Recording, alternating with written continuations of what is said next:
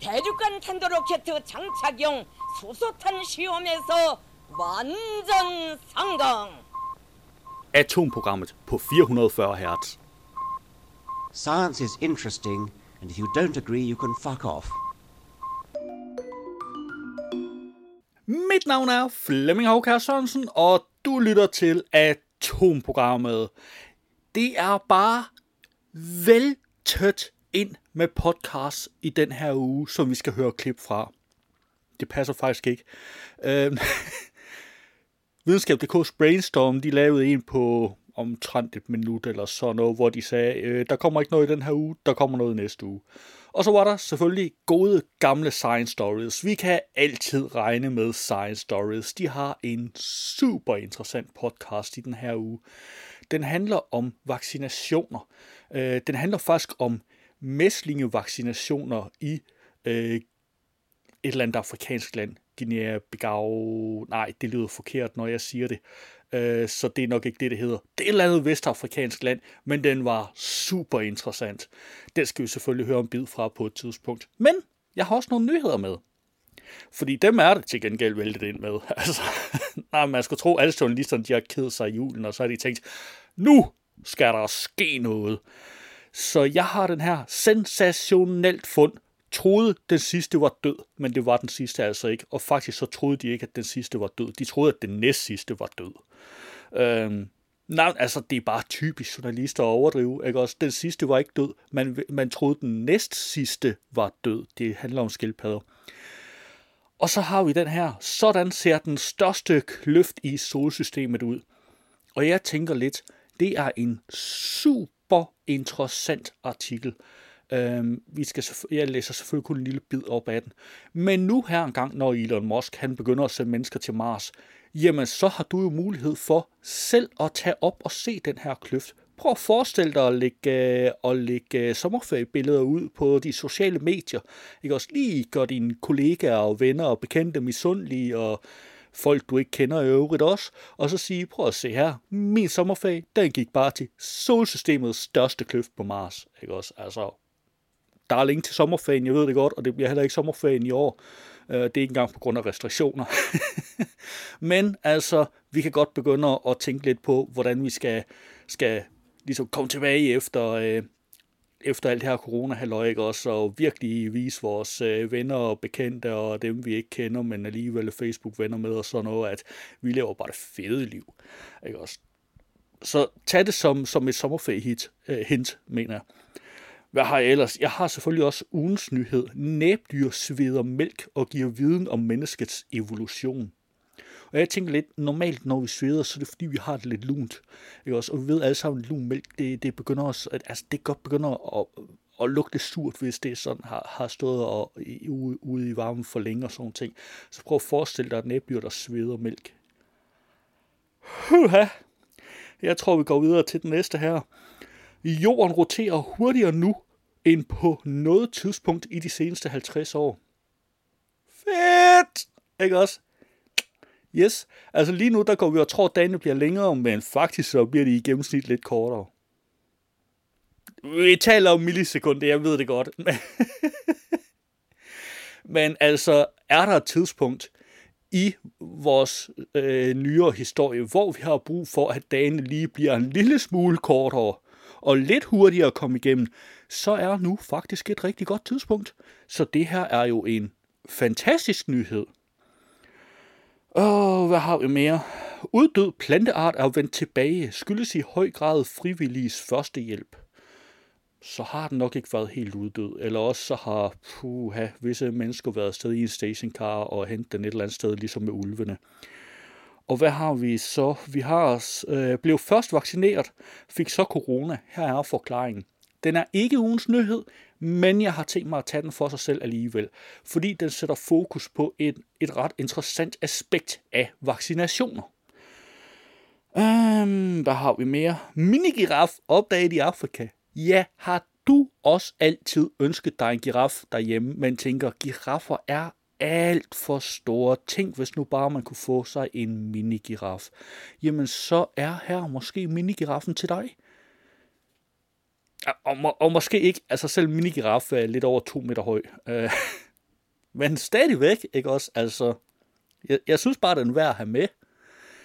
Og så slutter vi selvfølgelig det hele af med en tur forbi NASA's ugenlige nyhedsoverblik.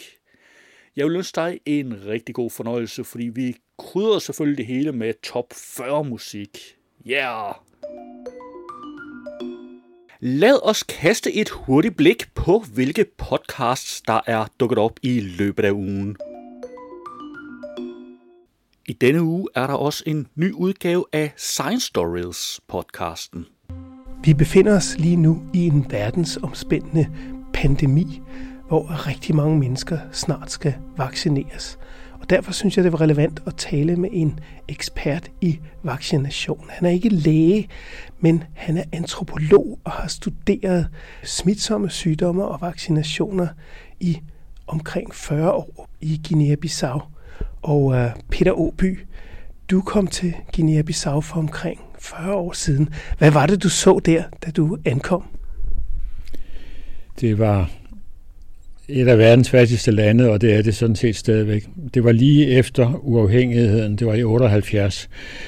Guinea-Bissau blev selvstændig i 74, da det portugisiske fascisme brød sammen. Øh, og alle kolonierne, Mozambique og Angola, blev selvstændige nogenlunde samtidig. Og landet var, var meget fattigt, og Sverige, som havde støttet befrielsesbevægelsen i 60'erne og 70'erne, de var den største donor øh, til Guinea-Bissau. Så de ville støtte øh, Guinea-Bissau med et sundhedsprojekt omkring, hvorfor var børnedødeligheden så høj. Og man havde lavet nogle meget simple sådan, øh, vurderinger, hvor man havde talt, hvor mange børn er der i aldersgruppen 0 år, og hvor mange er der i 5 år, aldersalderen, og fundet ud af, at der måtte være en dødelighed på omkring 50 procent. Altså hver andet barn døde mellem fødsel og 5 år. Så det betyder noget, at man er sammen med rigtig mange mennesker, og man får en rigtig stor portion virus øh, fra starten af. Der er stor forskel på, om man tilfældigvis har været uheldig lige at få sniffet den op nede på gaden, eller om man rent faktisk har fået en kæmpe stor øh, portion. Men jeg tænkte på, Peter Åby, hvad skete der så, øh, da I kom hjem med de her resultater? Hvor nemt var det at, at fortælle den medicinske verden, at, øh, at der var noget, som man ikke var bevidst eller man ikke var klar over her? Det var ikke nemt. Øhm, for det første kom jeg fra en helt anden disciplin, altså som antropolog, og mange læger var ikke specielt begejstrede for at skulle på at lytte på nogen fra en anden profession, som kommer og siger, at der er måske noget, I ikke lige har fået styr på her. Øhm, jeg fik meget, mange negative reaktioner, da jeg ligesom prøvede at kontakte folk i det danske miljø for at finde ud af, om, om der eksisterede andre materialer, vi, vi kunne teste det her på, blandt andet øh, datamaterialet fra et af de største materialer om mæslingepidemier er, da, da der kommer mæslinger til Grønland i 1951. Så jeg var interesseret i, om man kunne låne det materiale for ligesom at teste nogle af de ting, vi havde fundet i Guinea-Bissau. Og det blev meget klart afvist af ham, der var chef for det pågældende studie. Det var en lille bid af Science Stories, og du kan naturligvis finde et link i show notes. Det var et overblik over ugens podcasts. På videnskab.dk har jeg fundet ugens nyhed. Næbdyr sveder mælk og giver ny viden om menneskets evolution. Hvorfor lægger mennesker ikke æg, og hvorfor har vi to kønskromosomer? Ny DNA-analyse af det mystiske australske næbdyr kan gøre os klogere. Og jeg tænker lidt, er vi ikke ved at være der, hvor vi begynder at, at, at, at savne næbdyrnyheder, hvis ikke der er nogen? Altså, nå, men lad os tage, øh, tage øh, artiklen her. I Australien lever et usædvanligt pattedyr med selvlysende pels, næb, en giftklo og 10 kønskromosomer. Dyret lægger æg som fugle og krybdyr, men producerer samtidig mælk til sine unger. Mælken kommer ikke ud af brystvorter, men gennem svedkirtler i huden. Det mystiske australske næbdyr har længe interesseret forskere, fordi det tilhører en dyregruppe, som levede millioner af år før alle andre nulevende pattedyr. De kaldes kloakdyr, fordi de kun har en enkelt åbning bag i til urin, afføring og kønsåbning. Kloakdyrene ligger æg, men er klassificeret som pattedyr. De regnes for at være en slags fælles forfader til andre pattedyr som os selv, der føder unger og producerer mælk. Næbdyr og andre kloakdyr er ekstremt interessante, fordi de er de tidligst udviklede pattedyr, fortæller Zhang, der er professor på Biologisk Institut ved Københavns Universitet. De har nogle meget vigtige genetiske karakteristika, som kan øge vores forståelse for, hvordan krybdyr udviklede sig til pattedyr og dermed vores egen evolution, fortæller han. Xiang er en af de ledende forskere bag en rekordstor analyse af næbdyrets DNA, der netop er publiceret i det meget anerkendte tidsskrift Nature. Den næsten komplette genetiske kortlægning af næbdyret er en skattekiste af information om de usædvanlige dyr, lyder det fra en forsker, der ikke selv har været involveret, men har læst den videnskabelige artikel. Sådan et datasæt er en guldgruppe. Vi lever i en tid, hvor man kan sekventere genomer meget bedre end før, og her har de taget fat i nogle af de allermest ikoniske dyr, siger Mikkel Heide, der er forsker i genetik på Aarhus Universitetscenter for Bioinformatik. Når man kender næbdyrets gener, kan man finde ud af, hvad der er unikt ved dyrene, og hvordan de adskiller sig fra andre pattedyr, det er en brik i forståelsen af vores egen udvikling, siger han. Flere bemærkelsesværdige fund, der muligvis kan forklare, hvorfor pattedyr begyndte at producere mælk, og hvordan vi har fået vores to kønskromosomer, er kommet ud af den store kortlægning af næbdyrets gener. Forskernes DNA-analyse viser, at næbdyr til forskel fra andre pattedyr har et såkaldt vitellogenin-gen, der giver dem evnen til at lægge æg. De fleste fugle og krybdyr har tre af de gener, som gør dem i stand til at producere æggeblommer, der indeholder protein, som er afgørende for deres ungers overlevelse. Mennesker og andre pattedyr tabte genet for omkring 100 millioner år siden. Generne blev erstattet af andre gener, som sørger for, at vi kan producere proteinet casein, der er hovedkomponenten i mælk. Til forskel fra fugle og krybdyr har næbdyret, som altså eksisterede millioner af år før andre nulevende pattedyr, også kaseingener, viser den nye analyse. Sammensætningen af dyrs mælk er derfor meget lig mælken hos eksempelvis køer og mennesker. Det fortæller os, at mælkeproduktionen i alle nulevende arter af pattedyr er udviklet gennem det samme sæt gener, der stammer fra en fælles forfader, der levede for over 170 millioner år siden. Side om side med de tidlige dinosaurer i juraperioden, fortæller Chang.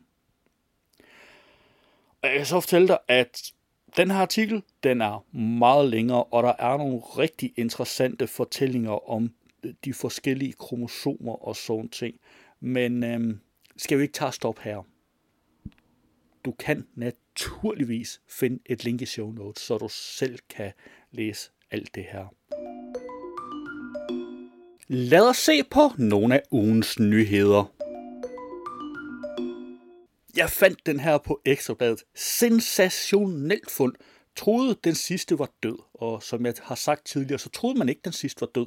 Man vidste godt, den sidste var i live. Man troede den næst sidste var død. Det er ikke det samme. Forestil dig, at du er den sidste af din art på jorden. Se, allerede der modsiger de sig selv i overskriften, ikke også? Det er ikke en rar tanke, men for en han af arten Yangtze blødskjoldskildpadden i Suzhou Zoo i Kina har det været virkeligheden siden april 2019. Her døde den eneste kendte hund af verdens mest sjældne skildpaddeart, der er i kategorien kritisk truet på IUCN's rødliste over udrydningstruede dyr. Men nu har forskerne fundet et nyt hundeksemplar af Yangtze blødskjoldskildpadden i en sø i Vietnam på videnskab.dk har jeg fundet, sådan ser den største kløft i solsystemet ud. Mars er en vild planet. Ikke nok med, at den har solsystemets største vulkan, Olympus Mons. Den røde planet rummer også en kløft, der er 10 gange længere og 3 gange så dyb som Grand Canyon i USA. Afgrunden kaldes Valles Manieris og skærer dybt nær Mars' ekvator. Den er 4.000 km lang og udgør næsten en fjerdedel af den røde planets omkreds. Dermed er kløften den største på de otte planeter, men også en af de mest mystiske. For hvordan er det gigantiske ar på Mars blevet til? På videnskab.dk har jeg fundet. Jorden roterer hurtigere nu end på noget tidspunkt i de seneste 50 år. Jorden har roteret usædvanligt hurtigt på det seneste, skriver The Telegraph. Man har kunnet måle jordens rotation og dermed dagens længde siden 1960'erne. Den korteste målte dag har hidtil ligget i 2005, men i 2020 blev den rekord slået 28 gange, og i gennemsnit var en dag sidste år 0,5 millisekunder hurtigere end normalt. Den 19. juli 2020 er nu den korteste dag, man nogensinde har målt. Den dag fuldførte jorden sin rotation på 1,4602 millisekunder mindre end de sædvanlige 86.400 sekunder. Hos Danmarks Naturfredningsforening fandt jeg, uddød planteart er vendt tilbage, skyldes i høj grad frivilliges førstehjælp. Kalkøjentrøst er et plantenavn, du måske ikke har hørt før. Indtil nu har det også været et navn, du ikke behøvede at lære. Planten har nemlig været formodet uddød i 60 år i Danmark, og før det var den ekstremt sjælden. Men da Alex Frederik Møller, en frivillig naturplejer i Allen Lille Fredskov ved Ringsted, en sensommerdag gik sin sædvanlige tur i skoven, fik han øje på noget usædvanligt. Ja, faktisk noget helt umuligt. Han så nemlig en gruppe blomster, der til forveksling lignede den uddøde kalkøjentrøst. Men det var jo en fantomart. Den havde tidligere vokset i skoven, men var forsvundet for mere end 80 år siden, så min nysgerrighed blev vagt, siger Alex Frederik Møller. På Ekstrabladet har jeg fundet minigiraf opdaget i Afrika. Michael Brown troede knap nok sine egne øjne, da han så giraffen. Hvis han ikke havde vidst bedre, ville han have troet, at nogen havde taget en girafs hoved og hals og puttet det på kroppen af en hest. Min umiddelbare reaktion var vantro, siger Michael Brown til New York Times. Han er blandt de forskere, der på en rutinemæssig optælling af giraffer i Afrika opdagede, hvad der nu er anerkendt som verdens første dværggiraf. Og faktisk opdagede forskerne ved Giraffe Conversation Foundation ikke bare en, men to dværggiraffer. Det var ugens nyheder, og du kan naturligvis finde links til samtlige artikler i show notes.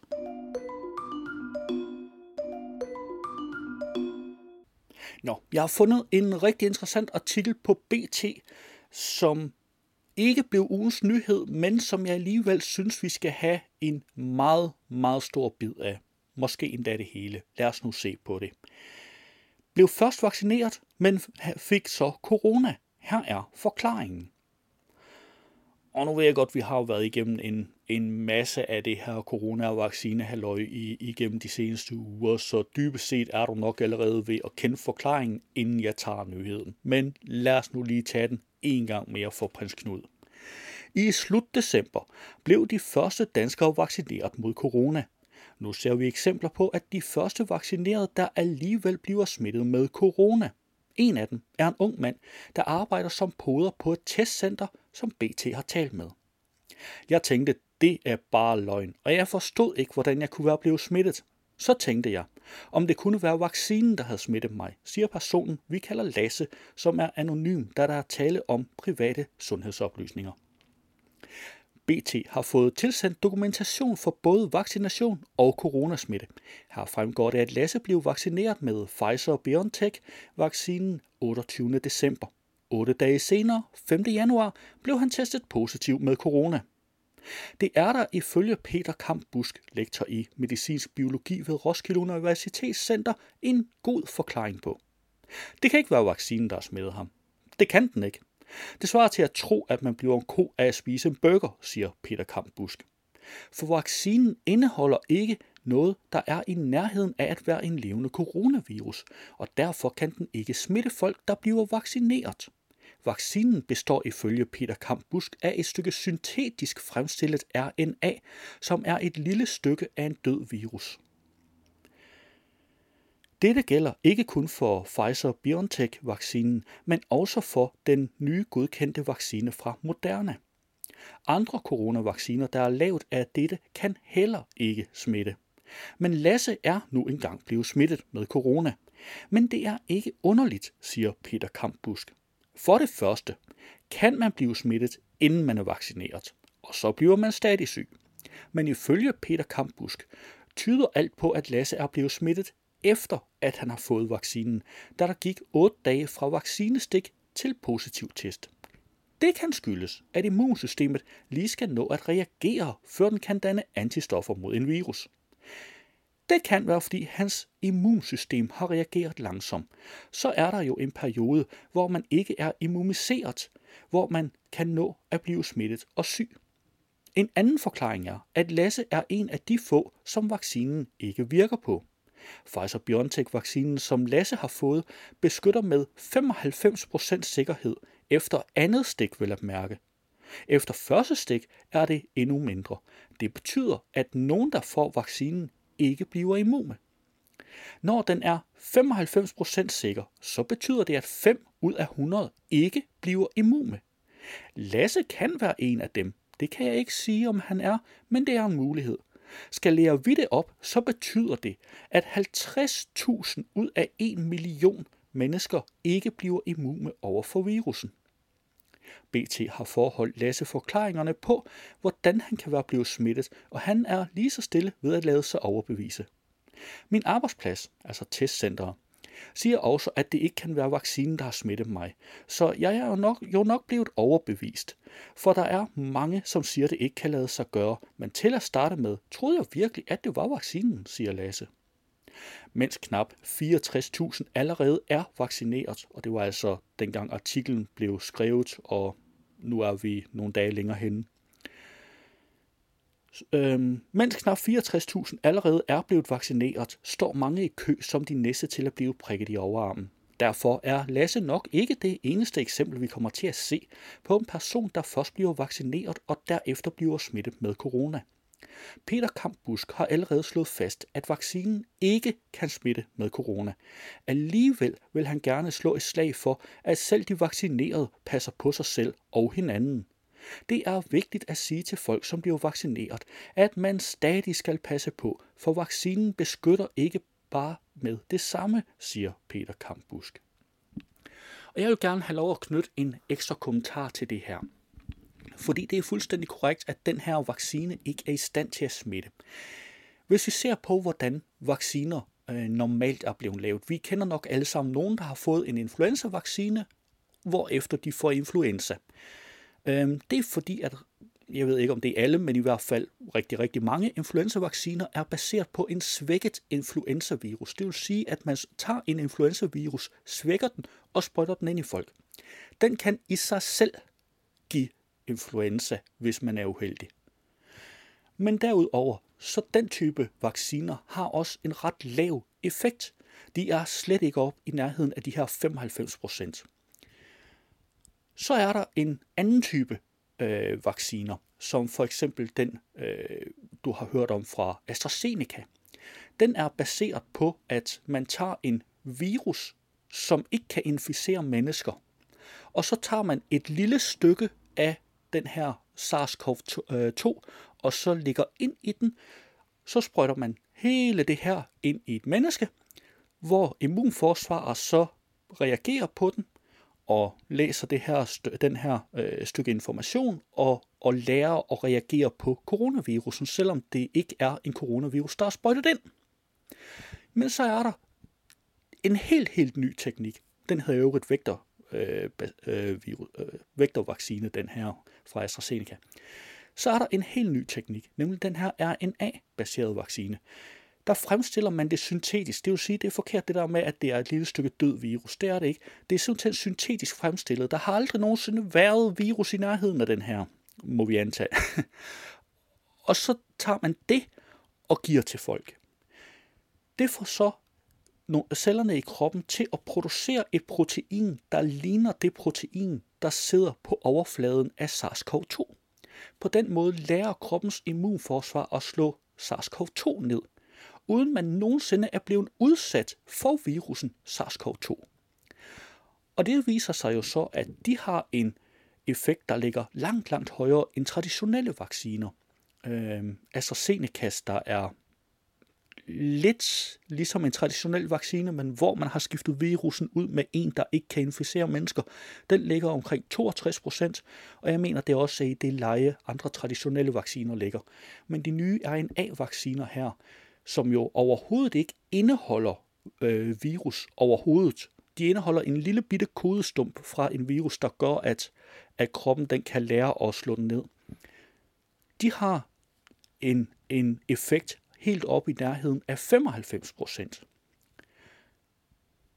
Ja, det er jo bare lige en lille kommentar, jeg vil knytte til det, og derfor kan man sige, at, den her, at de her RNA-vacciner fra for eksempel Pfizer og, øh, og moderne, de er meget mere sikre. Man kan selvfølgelig stadigvæk få allergiske reaktioner, der er selvfølgelig stadigvæk så 5% tilbage, der ikke bliver beskyttet, plus at der går noget tid fra du har fået vaccinen til, at kroppen har dannet øh, antistoffer, og du dermed beskyttes. Så der er alle de her scenarier, hvor, hvor hvis du virkelig er uheldig, så kan du godt, øh, godt stadigvæk blive smittet. Ja, nå. Der er et link til artiklen i show notes. Hvis du havde hørt radioudgaven, så ville her være denne uges udgave af NASA's nyhedspodcast This Week at NASA, men den er ikke inkluderet i podcastudgaven af udsendelsen. Du kan finde et link til den i show notes. Det var atomprogrammet for denne gang. Du skal have tak, fordi du lyttede med, og vi lyttes ved næste gang. Atomprogrammet er hjemhørende på 440 Hz. Du kan finde mere på 440 Hz.net.